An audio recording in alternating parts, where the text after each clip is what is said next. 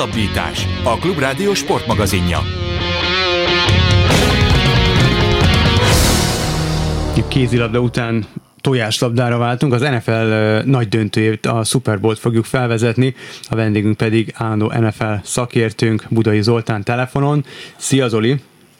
Sziasztok, köszönöm a hallgatókat! A rájátszást azt, azt kibeszéltük, még a Cleveland Brownsról is nagyon sokat beszéltünk.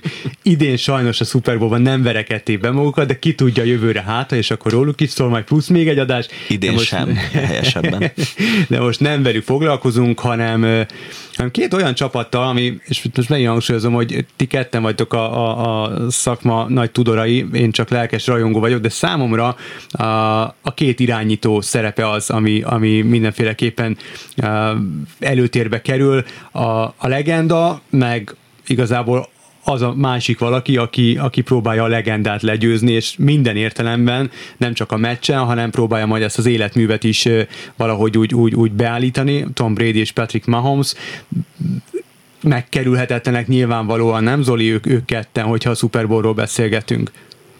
Mindig van egy olyan tábor, és azért eléggé gyakran én is ebben benne vagyok, aki azt hangsúlyozza, hogy ez csak kettő játékos tulajdonképpen a 106-ból, aki nevezve van a meccsre, és nem kell róluk beszélni mindenképpen, de itt most nem lehet nem velük kezdeni, és teljesen egyértelmű, hogy ők vannak a középpontban.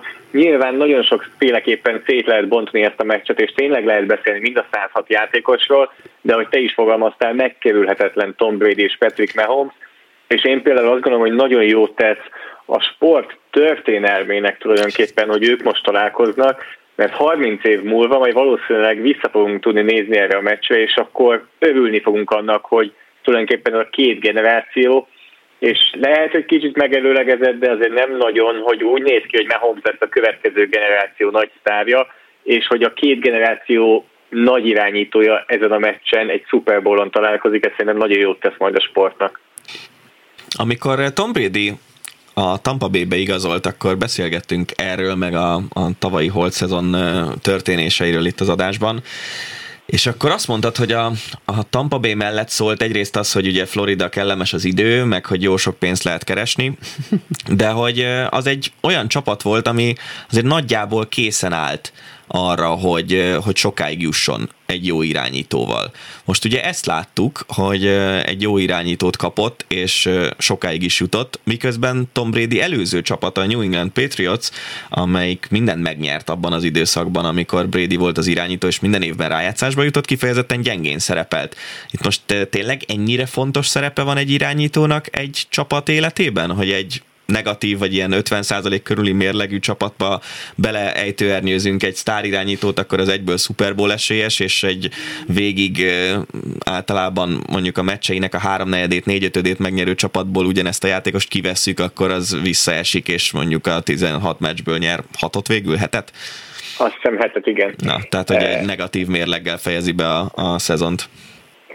Is, is. Egy kicsit azt, mond, azt gondolom, tehát most ahova a Buccaneers eljutott, és ezt mindig elmondjuk, köszönhetően annak is, hogy ugye az NFL rájátszásában egy meccses összecsapások vannak, egy meccses párharcok vannak, hogy azért eléggé véletlenszerű, ami történik az NFL-ben. Igen, igen, erre Tom Brady most már két évtizede rácáfol, mert ő valahogy mindig bejut a Super Bowl-ba, de talán egy kicsit az alapszakasz mérleg az, ami, ami jobban behatárolja, hogy milyen teljesítményt is nyújtott a csapat abban a szezonban, mennyire volt erős. Nyilván utána a rájátszás az, ahol elérik az igazán nagy sikereket, de ott nagyon sok minden múlik egy-egy meccsen, és például azért az alapszakasz folyamán például a Packers jobb volt a Buccaneersnél, szerintem mindenki így gondolja, de amikor leginkább számított, akkor a Buccaneers nyert. És hova akarok ezzel kiukadni, hogy nagyjából van egy 7-9-es csapat, és egy olyan csapat, amelyik hatodik helyen bejutott a rájátszásba, ez a különbség szerintem abszolút betudható Bradynek. És az azért, hogy az egyik csapat bejutott a Super Bowlba, a másikról pedig meg is feledkeztünk, és nem értem, hogy neked is mondjuk 6 vagy 5 győzelem jut eszedbe, az szerintem egy kicsit túlzó. Tehát ilyen szempontból, ahova eljutott a Buccaneers a szezon végére, azt szerintem egyáltalán nem csak Bradynek köszönhető, az, hogy egy nem rájátszás csapatból rájátszás csapat lett, és egy rájátszás csapatból nem rájátszás csapat lett a Patriotsnál, az viszont a Brady jelentette különbség szerintem.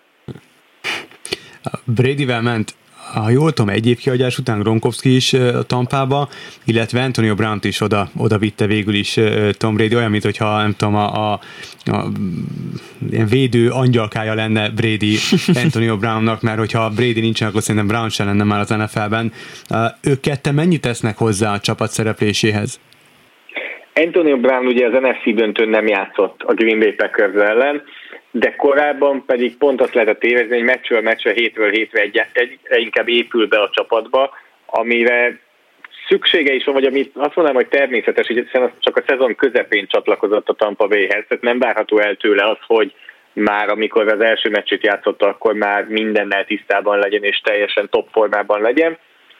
Szerintem ő egy kicsit egy ilyen sötét ló ebben a, ebben a Buccaneers támadósorban, hogy nem nagyon tudják, hogy mire számítsanak tőle, mert bőven benne van, hogy nem beszélünk róla eleget, mert inkább beszélünk más célpontokról, mint Mike Evansről, vagy Chris Godwinról, és elképzelhető, hogy Antonio Brown egy 140 yardos meccset fog csinálni vasárnap.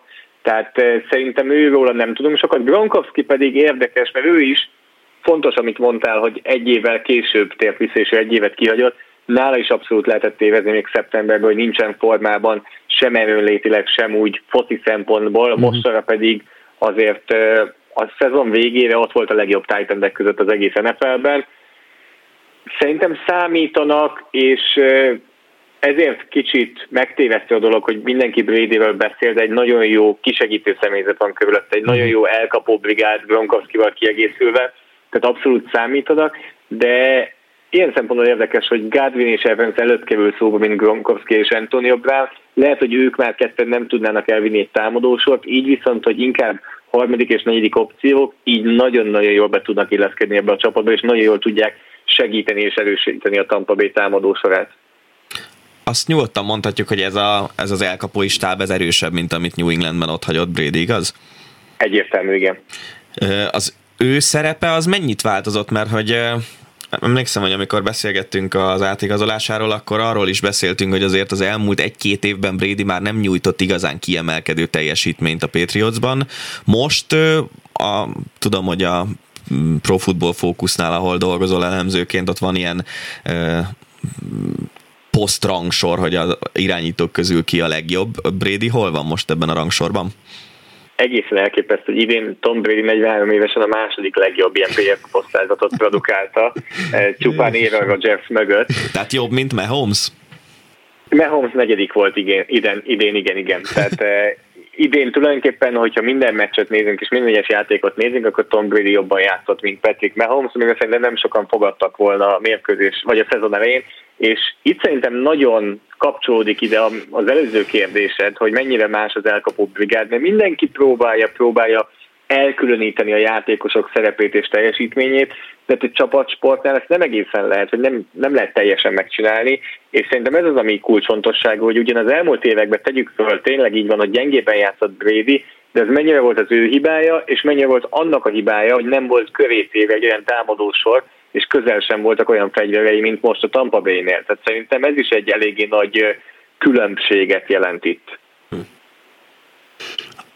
Ha másik csapatból, Kansas City-ből, ott is van egy triumvirátus, amiről beszélni lehet, mert ott is vannak segítői Patrick Mahomesnak. Róluk mondanál pár szót, hogy ők miért játszanak és miben játszanak? Fontos szerepet Mahomes mellett? Igen, ugye Tyreek Hill-t és Travis Kelsey-t kell kiemelni. Hogyha azt mondjuk a 2010-es évek első feléről, hogy Rob Gronkowski volt a liga legjobb tájtengye, akkor valószínűleg a 2010-es évek második felében pedig Travis Kelsey volt a liga legjobb tájtengye. Tehát Aki mindenki Cleveland csak megjegyzem. Nem azért, csak úgy mondom. Tehát itt nyilván mindenki Brady-re és Mahomesra húzza fel ezt a találkozót, de igazából az elmúlt 15 év valószínűleg két legjobb tájtengye is találkozik, Igaz, Gronkowski azért már talán nincsen azon a szinten, mint volt pár évvel ezelőtt. De visszatérve, tehát Kelsey és Tyreek Hill. Tyreek Hill az egyik egyik legjobb elkapó, és még így azt mondom, hogy az egyik legalulértékeltebb elkapó az NFL-ben, mert sokan azt gondolják, hogy ő csak egy gyors, alacsony elkapó, miközben már sokkal több és sokkal több mindent tud már, és nagyon sok mindent elmond a Kansas City-ről és erről a két játékosról, hogy nem volt idén olyan meccs a Kansas City Chiefsnek, ahol játszott Travis Kelsey és Tyreek Hill, vagy-vagy, akár csak az egyik, és egyiknek se lett volna touchdownja. Hm. Tehát nem volt olyan meccs idén, ahol egyikőjük se szerzett volna touchdown nagyon-nagyon épül, rájuk ez a Kansas City támadósor, nagyon-nagyon megbízik bennük Patrick Mahomes, és én megkockáztatom, hogy kikapcsolhatatlanok. Tehát nem tudja elérni egyik védelem sem azt, hogy leveszi mind a kettőt a pályáról, dönteni kell, hogy melyiket próbálják levenni, és mennyire próbálják hatástalanítani ezt a kettő játékos, de szerintem teljesen nem lehet. Elég sokat beszélünk itt a támadósorokról, és annyira dicséred őket, hogy az embernek az a kép alakul ki a fejében, hogy ezt nem tudom, 70-67-re fogja megnyerni ezt a döntőt valamelyik csapat. Beszéljünk egy kicsit a védelmekről. Olvastam olyan véleményt, amely szerint a legérdekesebb ilyen úgynevezett matchup, tehát kis meccsen belüli párharc az a Chiefs támadósora és a Buccaneers védelme egymás ellen. Te ezzel egyet értesz? Szerintem ezzel egyet lehet érteni, ez, ez abszolút védhető. Én, aki eléggé sokat foglalkozok vele, szinte bármelyik ilyen párharcban meg lehet látni az érdekességet. Olyan szempontból amúgy talán kicsit csalódáskeltő lehet, tehát kicsit lehet, hogy ez most ellenmondásos lesz, amit mondok, de a Kansas City támadófala a Tampa Bay passértetése ellen. Ez egy kritikus harc lett, kritikus párharc lehet, hiszen a Kansas City támadó falából rengetegen hiányoznak, és egy szinte mindenhol csevék fognak játszani, úgy, hogy a Tampa Bay-nél kifejezetten jó passértetés van, tehát ez kritikus lehet, de ezt nem fogalmaznám meg egy jó párharcnak, mert nem arról van szó, hogy egy erősség találkozik egy másik erősséggel, hanem inkább az a cél, vagy az a kérdés, hogy a Kansas City támadófala el tudja érni, hogy ne veszítsék el ők a meccset. Mert ilyen szempontból a Kansas City támadófala akár el is veszítheti a meccset a Chiefsnek, hogyha folyamatosan nyomást engednek és odaengedik Jason Pierre-Paul és Shaq Beretet, a Tampa Bay Buccaneers legjobb passieltetőit Patrick Mahomes közelébe, az nagyon nagyban befolyásolhatja a meccset. Mi a gyengéje a két irányítónak? Mi lehet az, amivel valahogy az egyik csapat meg tudja akadályozni a másiknak a, a pontszerzését? Vannak olyan, nem tudom, nem tudom, titkos fegyverek, vagy van olyan gyengeség, amit, amit ki lehet használni? Pro és kontra? Mahomes vagy, vagy Brady esetében? Mahomes és Brady esetében én tényleg nem nagyon tudok gyenge pontot mondani. Mahomesnál tényleg semmit, Bradynél pedig egy olyat, amit tudunk már 20 éve, és mégis minden idők legjobb irányítója lett, az, hogy nem egy mobilis, uh-huh. nem egy olyan irányító, aki, aki meghosszabbít játékokat azzal, hogy mondjuk kimozog a zsebből. Teszem hozzá, volt egy időszak az elmúlt öt évben, amikor ezt is kifejezetten jól csinálta, de talán ez az egyetlen gyengeség, mert mondjuk másfél éve, és a Patriots rendszerében azt mondtuk volna Bradyre, hogy gyengeség, akkor oda tettük volna azt, hogy a mélységi passzai nem ülnek annyira, nem annyira jók a mélységi passzai. Ehhez képest eljött egy olyan Tampa Bay támadósorba, ami abszolút ezekre a mélységi passzokra épít, és látjuk, hogy ezeket még mindig meg tudja dobni, és ezeknek is köszönhetően volt ott a liga legjobb irányítói között idén. Azt olvastam valahol, nem tudom most már, hogy, hogy éppen hol, de hogy beszéltek arról, hogy, hogy az, hogy Brady eljött uh, New Englandből, és uh, és uh, ilyen jól szerepelt a tampával, bizonyítja azt, hogy nem egy szisztéma, nem egy rendszer irányítója volt, hanem hanem tényleg valóban a, a valaha volt egyik legnagyobb, uh, és uh, és a Tampa edzője nyilatkozta azt, hogy ő hagyja kvázi edzeni. Tehát ő hagyja, hogy, hogy irányítsa a társak, társakat, hagyja beleszólni az edzői munkába, és, és visszalép, hátralép egy-két lépést, és, és nézi, és kvázi nem ezekkel a szavakkal, de szinte gyönyörködik abban, amit lát Brady-től. Ez már valaminek az előzöngéje, vagy Brady amúgy is szeretettel játszott volna ebben a szerepkörben, csak nem engedte Belicsik? Szerintem igazából én itt a szerepkört is egy kicsit én máshogy látom. Én szerintem ő nem edzősködik, és próbálom nem negatívan megfogalmazni, uh-huh. hanem ő egész egyszerűen mindent kontrollálni akar. Uh-huh. Tehát szerintem egy kicsit különbség, a különböző a kettő, hogy uh-huh. ő annyira mindent a győzelmére akar megtenni, hogy, hogy ő azért mondja el az egyik játékosnak, hogy mit csinálni, hogy nyerjenek, nem feltétlenül azért, hogy ez a játékos jobb legyen mondjuk hosszú távon, hanem minden tényleg a győzelemnek rendel alá. Uh-huh. Én nem látom, hogy ő hosszú távon amúgy edző lenne, mert én nem nagyon látom benne ezt a mentalitást, uh-huh. és nem nagyon voltak erre utaló jelek, hogy ilyet mondott volna, főleg azok után, hogy tegnap a Super Bowl első sajtótájékoztatóján föltették neki a kérdést, hogy mit gondol arról, amit korábban mondott, hogy 45 éves koráig szeretne játszani, látja esetleg, hogy akár ennél tovább, és mondta, hogy abszolút nem zárja ki, és megfontol, meg fogja fontolni, hogy akár 45 éves koránál is tovább játszon, ami tényleg egészen elképesztő. De itt van ugye lassan 44 éves, és ahogy említettem, a liga legjobb irányítói között volt idén, tehát tényleg ilyen szempontból pályányújtott teljesítményt tekintve nincsen nagyon oka visszavonulni jelenleg. Hát, ha már a 2025-ös Super Bowl-ban nem Tom Brady-t látjuk. Beszéljünk egy kicsit az edzőkről, mert uh, ugye Andy Reid-et, a Kansas City Chiefs edzőjét azért elég jól megismertük az elmúlt x évben. Uh, a játék stílusát is, de Bruce Arians azért ilyen szintű sikert nem nagyon ért még el, ha jól emlékszem a pályafutása során, és amúgy is egy ilyen kicsit vegyes megítélésű edzőnek számít. Mesélj róla egy kicsit, légy szíves. Igen, Bruce Arians korábban eddig csak konferencia döntőbe jutott, ez lesz az első Super mint vezetőedző, támadó koordinátorként nyert már Super Bowl-t, de Szerintem azért vegyes a megítélése, mert ő is vegyes felfogással áll hozzá a meccsekhez. Mert például, hogyha a mikro dolgokat nézzük, és egy-egy játékon belül nézzük, akkor egy nagyon agresszív edzővel beszélünk, aki szereti, hogy említettem, mélységi passzokkal támadni az ellenfeleket, viszont hogyha makro szempontból nézzük, hogy hogyan menedzsel egy meccset, hogyan áll hozzá a kritikus döntésekhez, akkor pedig egy kifejezetten konzervatív edzőről beszélhetünk, aki negyedik kísérletekre jóval konzervatívabb, mint több edzőtársa. A játék választásnál, hogy futás vagy passzjon, szintén egy kifejezetten konzervatív edzőről beszélünk, viszont közben meg ott vannak a mélységi passzok. Tehát ilyen szempontból szerintem egy kifejezetten ellentmondásos edző, aki viszont nagyon nagy hatalmat ad szerintem mind a játékosoknak, ahogy ezt hallottuk az előbb Brady kapcsán is, mind a saját stábjának is. Tehát ő nem fogja mikromenedzselni a többi edzőt, hanem ő inkább az a típusú edző, akinek ott van a füles a fején a meccs alatt, néha-néha mondja, hogy ő mit szeretne látni, de azért inkább a kettő koordinátor, Byron Leftwich, illetve Todd Bowles azok, akik menedzselik a meccset. Milyen érdekes, hogy Leftwich, én emlékszem rá, ő a Jaguarsben volt csereirányító sokáig, nem? Így van, igen. Sőt, kezdő is volt a, Jacksonville Jaguarsben. Hát jó, mondjuk ott azért ne, nem olyan magas a léc, amit a kezdő irányítónak meg kell ugrania. Szóval, hogy egy, nem egy kiemelkedő játékos volt, azt semmiképp nem mondhatjuk rá, és mégis Super Bowl-ba vezet támadó koordinátorként egy csapatot. Igen, ők ugye egy idősek Brady-vel, úgyhogy ez is nagyon érdekes. Sőt, talán Brady idősebb is a támadó koordinátoránál. Szóval így nyilván egy buta kérdésnek tűnik, mindenről, csinál, mindenről készítetek statisztikát. Hányszor találkozott eddig egymással Mahomes és Brady, illetve mi, a, mi az egymás elleni párharc eredménye? Ez lesz az ötödik, tehát négyszer találkoztak, és az kettő-kettő egyelőre. Rájátszásban egyszer találkoztak, két éve akkor egy nagyon izgalmas, hosszabbításos meccsen a New England nyert az EFC döntőben bármilyen ilyen összehasonlításnak, statisztikának van értelme, vagy ez pusztán egy statisztika szám, semmi, semmit nem kell levonni ebből?